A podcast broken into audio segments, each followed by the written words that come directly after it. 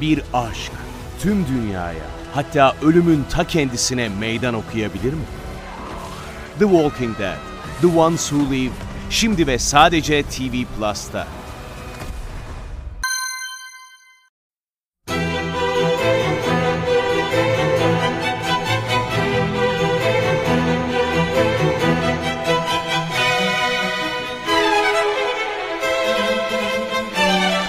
Herkese merhaba, Sinematris'te Görkem'le birliktesiniz. Bu haftaki programımızda sinemasal açılımlar dosyamızın 11.sini sunacağız size. Konumuz ise sinema tarihinde çocuklar. Çocuklar bizden çok farklılar değil mi? Dünyaya bakışları, hayata bakışları, duygusal dünyaları, hayal güçleri yetişkinlerden çok farklı. Birçok şeyi bizden farklı gözlemliyorlar, farklı algılıyorlar, farklı değerlendiriyorlar. Ve çocukların hayata tutturdukları bu farklı bakışla biz yetişkinlerin hayata tutturduğu farklı bakış hemen hemen her zaman bir çelişki ortaya çıkarıyor. Ve bu çelişki de altında gerçekten çok derin anlamlar barındırıyor. Çok duygusal öykülere kapı açan bir durum bu.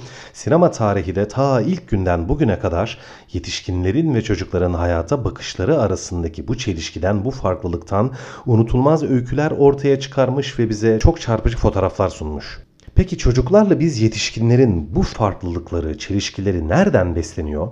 Öncelikle soruya şöyle bir cevap verebiliriz. Biz yetişkinler sosyal, kültürel, politik, ekonomik, çağdaş dünyanın birçok gerekliliği nedeniyle kapana kısılmış, halinde, tavırlarında, tercihlerinde çok da özgür olamayan bireyleriz.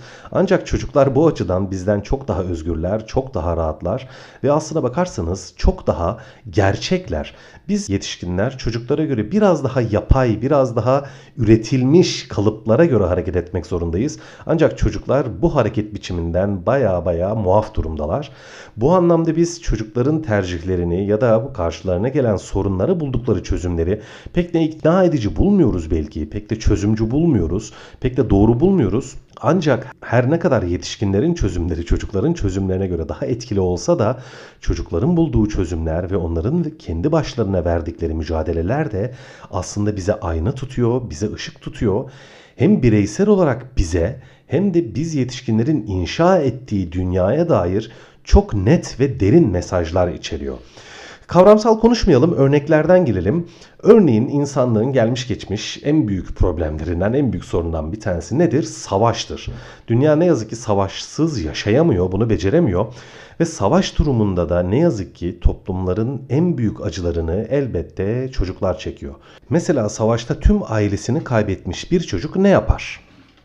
Korunmayı bekler değil mi? Yetişkinler tarafından savaştan yalıtılmayı bekler, korunmayı bekler, hayatta kalmayı bekler. Ancak bir çocuk kalkıp da bu düşman benim ailemi öldürdü, ben de ülkem için savaşıp casusluk yapacağım derse ona nasıl bir cevap vermemiz gerekir?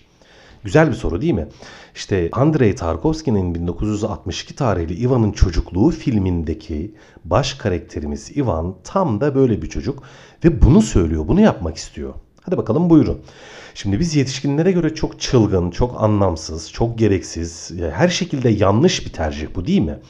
Evet mutlaka öyle olmalı. Ancak konuya biraz daha ayrıntılı bakarsak, konuyu biraz daha derin düşünürsek ortaya şöyle bir gerçek çıkıyor ki bu çocuk elbette bir hayal dünyasında yaşıyor olmasına rağmen belki de biz yetişkinlerin ortaya çıkardığı savaş ve biz yetişkinlerin inşa ettiği bu dünya o çocuğu böyle çılgınca bir şey yapmaya itiyordur düşünürsek çocukların söz konusu yetişkinlerden farklı bakışları aslında biz yetişkinlerin inşa ettiği dünyada onlara başka çare kalmaması, başka yöntem bilmemeleri, düşünememeleri, hayal edememeleri ve ellerine kalan son seçeneği ya da belki bir yetişkin olmak için ya da önemli bir kişi olmak için ya da tamamen silik ve ne yazık ki yokla bir oldukları bir dünyada bir varlık sunabilmek için başvurduğu yöntemlerden bir tanesi haline geliyor bu çılgınca fikir mesela. Bu anlamda çocukların tercihleri bize gayet aptalca ya da toyca ya da beyhude gelse de aslında altında gerçekten derin anlamlar barındırabiliyor ve az önce bahsettiğim gibi yetişkinlere ışık tutan bir perspektif oluşturuyorlar.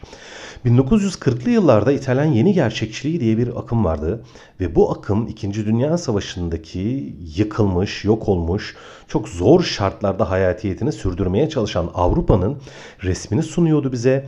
O yıllardan kalan filmlerde çok sayıda savaşın ortasında kalmış çocuk öyküsü var. Bunların da en etkileyicilerinden bir tanesi 1948 tarihli Roberto Rossellini filmi Almanya Sıfır Yılı. O filmi izlerseniz savaş sonrası hayatta kalmaya çalışan karakterlerin içerisinde inanılmaz bir çocuk karakter olduğunu göreceksiniz. Edmund karakteri ve bu karakterin yaptığı hemen hemen her şey biz izleyenlere yanlış gelse de aynı Ivan'ınki gibi aslında belki de yetişkinlerin ortaya çıkardığı ve inşa ettiği bu dünyada belki de biz çocuklara başka sıra dışı, başka yanlış, başka kaçınılası çözümler dışında çözüm bırakmıyoruzdur ki işte çocukların bu tercihleri bazen yetişkinlerin yapacağı tercihlerden çok daha gerçek, çok daha sarsıcı, çok daha şaşırtıcı ve çok daha anlamlı olabiliyor savaş atmosferinden biraz kurtulup farklı bir atmosfere girmeye çalışalım. Hatta atmosfere girmeye çalışmayalım, atmosferin dışına çıkmaya çalışalım ve Steven Spielberg'in unutulmaz 1982 tarihli E.T.'sine gelelim. Bir uzaylımız var dünyaya düşmüş ve o uzaylıyla tanışıp yakınlaşan ve arkadaş olan bir grup çocuğumuz var. Muhtemelen bir uzaylıyla karşılaşıp önce arkadaş olmayı düşünecek bir kişi ve karakter varsa o karakter bir çocuk olmalı değil mi?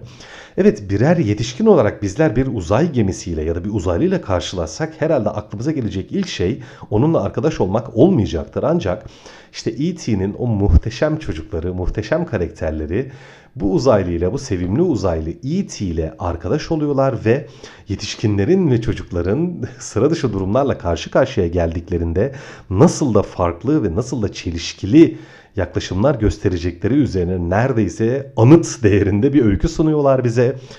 Evet E.T. gerçekten çok sevimli bir uzaylı ve çocuklarımız bu E.T. ile dost oluyorlar, arkadaş oluyorlar.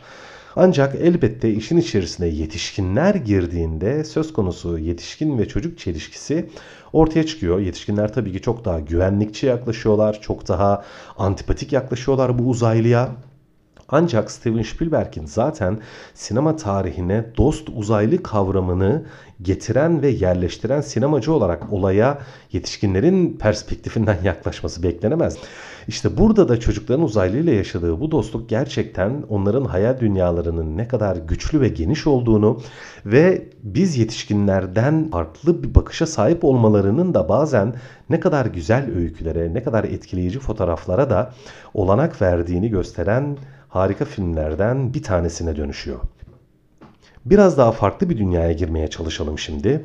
1999 tarihli M. Night Shyamalan'ın 6. His filminde ise bambaşka bir çocuk karakterimiz var. Ve bu çocuk karakterimiz Cole bize diyor ki I see dead people.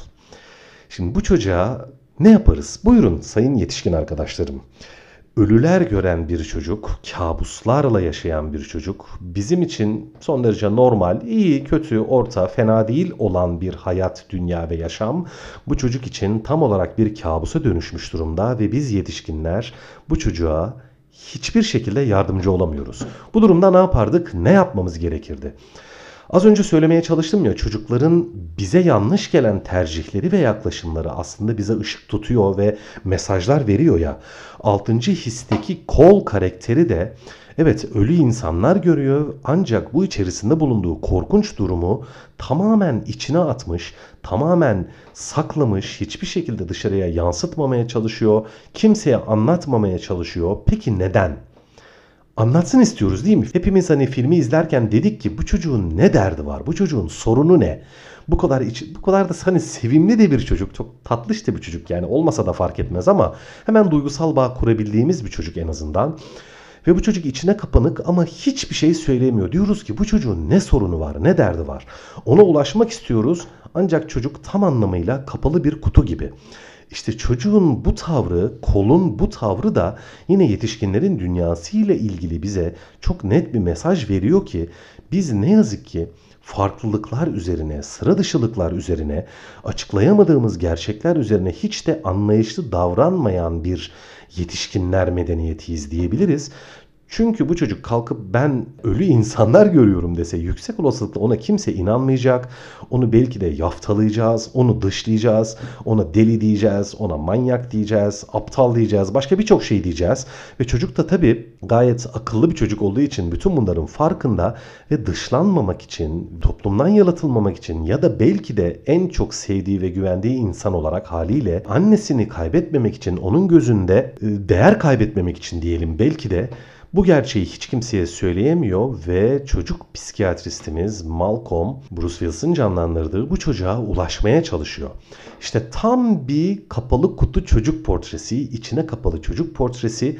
Biz ona hani yetişkinler olarak belki bir dert vermedik. Yani onun sahip olduğu dert yetişkinlerin bir suçundan, kabahatinden, eksikliğinden kaynaklanmıyor belki ama çocuğun kendi iç dünyasındaki problemi çözme konusunda da ona yardımcı olması gereken biz yetişkinler bu konuda pek de yeterli ve başarılı olamıyoruz ve çocuğun bize verdiği o sessizlik mesajı da gerçekten bizim için apayrı bir sorun ve problem teşkil ediyor.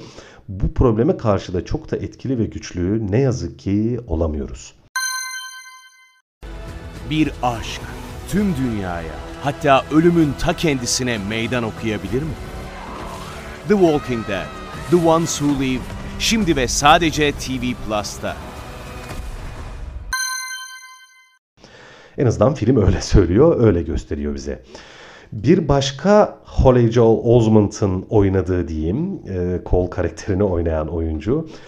2001 tarihli Artificial Intelligence filmi gerçekten bize o kadar farklı, o kadar etkileyici bir çocuk portresi sundu ki buradaysa çok farklı bir dünya var. Bir bilim kurgu filmindeyiz. Artık gelecekteyiz ve gelecekte insanların ulaştığı robot teknolojisi diyelim filmde mecha olarak isimlendirilen robotlar artık insanlara hizmet eden birer metaya dönüşmüş durumdalar. Ve bir gün bir meka şirketinin yöneticisinin aklına şöyle bir fikir geliyor. Biz neden çocuğu olmayan ailelere bir çocuk vermiyoruz? bir robot çocuk, bir meka çocuk üretme fikri belki de çok parlak bir fikir olmasına rağmen en azından bunu aklına getiren robot şirketinin yöneticisi için çok ilginç ve parlak bir fikir olsa da aslında çok derin felsefi tartışmalara ve aynı zamanda duygusal çalkantılara yol açabilecek bir fikir. Robot bir çocuğunuz olsun ister miydiniz ya da robot bir çocuğu gerçekten kendi çocuğunuz gibi görebilir miydiniz? Robot bir çocuğu evlat edinebilir miydiniz? Ve onunla yaşayacağınız ebeveyn evlat ilişkisi acaba nasıl olurdu? Merhum Stanley Kubrick'in uzun yıllar üzerine çalıştığı ve Steven Spielberg'e çekmesini rica ettiği Gerekçe olarak da hani, hani benim yap, film yapım dinamiklerim çok farklı, çok sıra dışı. Yani ben bu filmi çekene kadar bu çocuk büyür. Ben bu filmi gerçekten çekemem. Lütfen sen çek diye Steven Spielberg'e sunduğu proje olan Artificial Intelligence gerçekten çocuk olma, çocukluk ya da çocuklar ve yetişkinler ilişkisi üzerine öyle çarpıcı, öyle değerli, öyle sıra dışı bir film ki gerçekten üzerine programlar yapılabilir ve, ve verdiği mesajlara ya da sunduğu duygusal ayrıntıları incelemek gerçekten programımıza sığmaz. Ancak çok etkileyici bir film gerçekten. İzlememiş arkadaşlara tabii ki hararetle izlemelerini öneriyorum. Çocukların dünyası üzerine fikir muhakemesi yapmak istiyorsak bu filmi izlemek de kaçınılmaz oluyor. Son olarak bir de şu konuya girelim ve sohbetimizi öyle tamamlayalım. Çocuklar neticede boş birer kap değil mi? Bu anlamda yetişkinlerin, dünyanın, o çocuğun ebeveynlerinin o kabı neyle dolduracağı, o çocuğun gelecekte nasıl bir birey ve nasıl bir yetişkin olacağını ortaya çıkaran en önemli etmenlerden bir tanesi. Geçtiğimiz haftalarda yine sinemasal açılımlar dosyamızda seçilmiş kişi diye bir program yapmıştık hatırlayanlar vardır. Orada demiştik ki 50 yaşında seçilmiş kişi olduğunu fark eden bir karakter hatırlamıyoruz.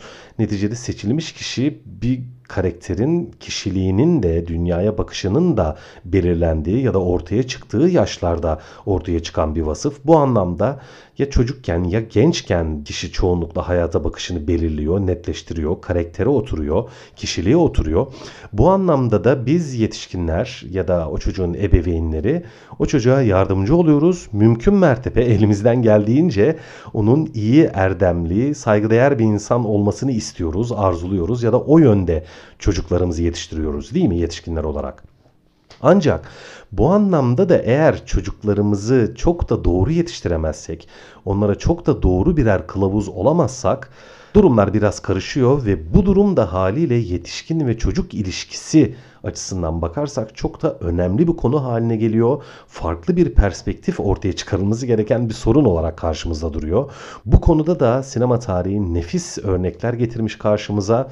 Örneğin 1990 tarihli Martin Scorsese'nin unutulmaz başyapıtı Sıkı Dostlar nefis bir çocuk öyküsü diyebiliriz aslında. Ama biraz da sıra dışı bir çocuk öyküsü de diyebiliriz bu film için. Şöyle ki burada bir çocuk karakterimiz var ve bu çocuk karakterimiz çeşitli açılardan biraz e, eksikli bir ailenin çocuğu. İşte ekonomik sorunlar çeken, sosyal kültürel sorunlar çeken, hayatta kalma mücadelesi veren bir ailenin çocuğu. Ve bu çocuk da tabii hemen hemen herkes gibi, her birey gibi hayatta kalmak istiyor, başarılı olmak istiyor, zengin olmak istiyor, mutlu olmak istiyor ve aslında daha da çok kendi ifadesiyle saygınlık istiyor. Bu saygınlığı da nasıl elde ediyor?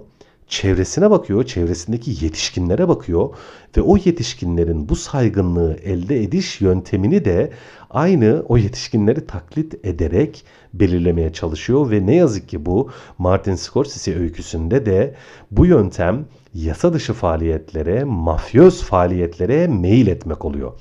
Şimdi bakınız az önce demiştim ya çocuklar bizden çok daha gerçekçi, çok daha kültürel, sosyal, ekonomik, politik kısıtlamalardan soyutlanmış, daha sahici çözümler buluyor sorunlara dedik ya. Buradaki karakterimiz Henry Hill karakteri gerçekten çok gerçekçi bir karakter. Çünkü çevresi mafya üyesi dolu ve çevresindeki herkes bu yolla zengin olmuş, saygınlık elde etmiş. İşte çocuk o toy aklıyla, o naif bakışıyla yani aslında o kişilerin nasıl elde ettiklerini elde ettiğini bilmiyor, görmüyor ya da belki de umursamıyor ve o yönde ilerleme sağlayarak yetişkinlerinin kendi üzerindeki etkisizliklerini ya da yetersizliklerini bu şekilde dünyaya ve hayata yansıtarak gerçekten sıra dışı bir çocuk öyküsü ortaya çıkarıyor. Ancak az önce Ivan'ın çocukluğu filminde söylemeye çalıştığım gibi belki de biz yetişkinler o çocuğun bu yöntemini, saptığı bu yolu yanlış buluyor olsak da belki de o çocuğa biz başka fırsat vermiyoruz ya da o çocuğun böyle bir çözümü gayet haklı ve normal görebileceği bir dünya yaratıyoruz ki o çocuk böyle bir yola sapıyor ve saptığı yoldaki ilerleyişini film boyunca bakın artık bir yetişkine dönüştüğü zaman dahi gayet de haklı görebiliyor. Gerçekten çok çelişkili bir durum, sıra dışı bir durum. Genellikle hani çocukken bir hata yaparız da yetişkinken bu hatamızı fark ederiz. Ya hatadan döneriz ya da pişman oluruz vesaire değil mi? Normalde öykünün böyle olması gerekir. Ancak hayır. Sıkı dostlarda bu çocuk karakterimiz yetişkin bir birey olduğunda da tutturduğu yolun gayet de haklı ve doğru bir yol olduğunu iddia etmeye devam ediyor ve bize de tabii bu başyapıtın üzerine oturmak, düşünmek ve üzerinden 30 yıldan fazla zaman geçmiş olsa bile onu bir sohbet programına konu etmek düşüyor. Buna benzer son bir örnek vererek artık konuyu bağlayalım. Sinema tarihinin en büyük, en güçlü kötü adamlarından bir tanesi kimdir diye soracak olursak ciddi bir sinema sever kitlesi muhtemelen Darth Vader karakterinden bahsedecektir. Peki Darth Vader karakteri Yıldız Savaşları evreninde bizim karşımıza nasıl çıkmıştı? 1999 tarihinde 6 yaşında bir Anakin Skywalker olarak çıkmıştı.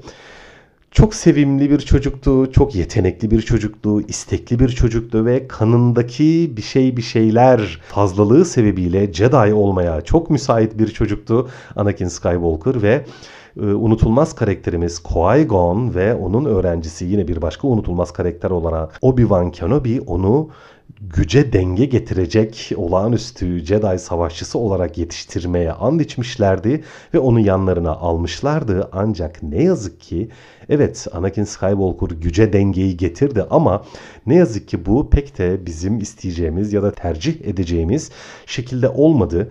Bu anlamda diyebiliriz ki aslında bazen de o boş kabı neyle doldurduğunuz bir yana o çocuğun karakterini, kişiliğini, zayıflıklarını analiz ederek, inceleyerek o çocuğun gelecekte nasıl bir yetişkin, nasıl bir birey olacağını öngörerek belki de o kabı biz bir şeylerle doldurmak zorundayız yetişkinler olarak. Çünkü bazen de istediğimiz ya da ortaya çıkmasını beklediğimiz kişiliği bir çocuğa yüklerken belki de çok büyük bir hata yapıyoruz. İstediğimiz kadar biz o kabı bir şeylerle dolduralım, kendi beklentilerimizle dolduralım. O çocuk kendi burnunun dikine gidiyor ve ortaya bambaşka bir karakter çıkıyor. Hiç de bizim istemediğimiz, hiç de tercih etmeyeceğimiz bir karakter çıkıyor ve bu durumda bize yetişkinlerin çocuklara olan yaklaşımları ile ilgili bambaşka mesajlar ve bambaşka gerçekler gösteriyor. Evet, bu haftaki programımızda çocukları anlatmaya çalıştık, çocukları özetlemeye çalıştık, onların dünyasına bir pencere açmaya çalıştık.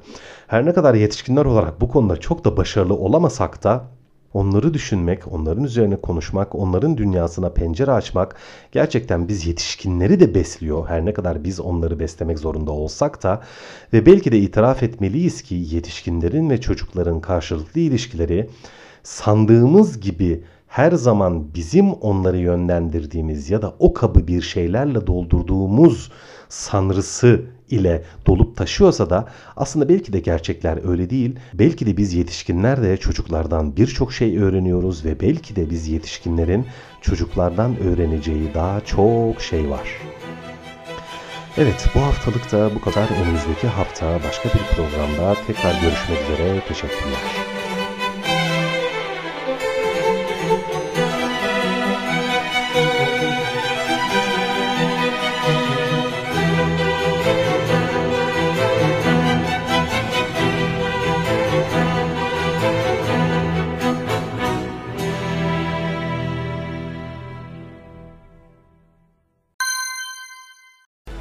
Bir aşk tüm dünyaya hatta ölümün ta kendisine meydan okuyabilir mi? The Walking Dead, The Ones Who Live şimdi ve sadece TV Plus'ta.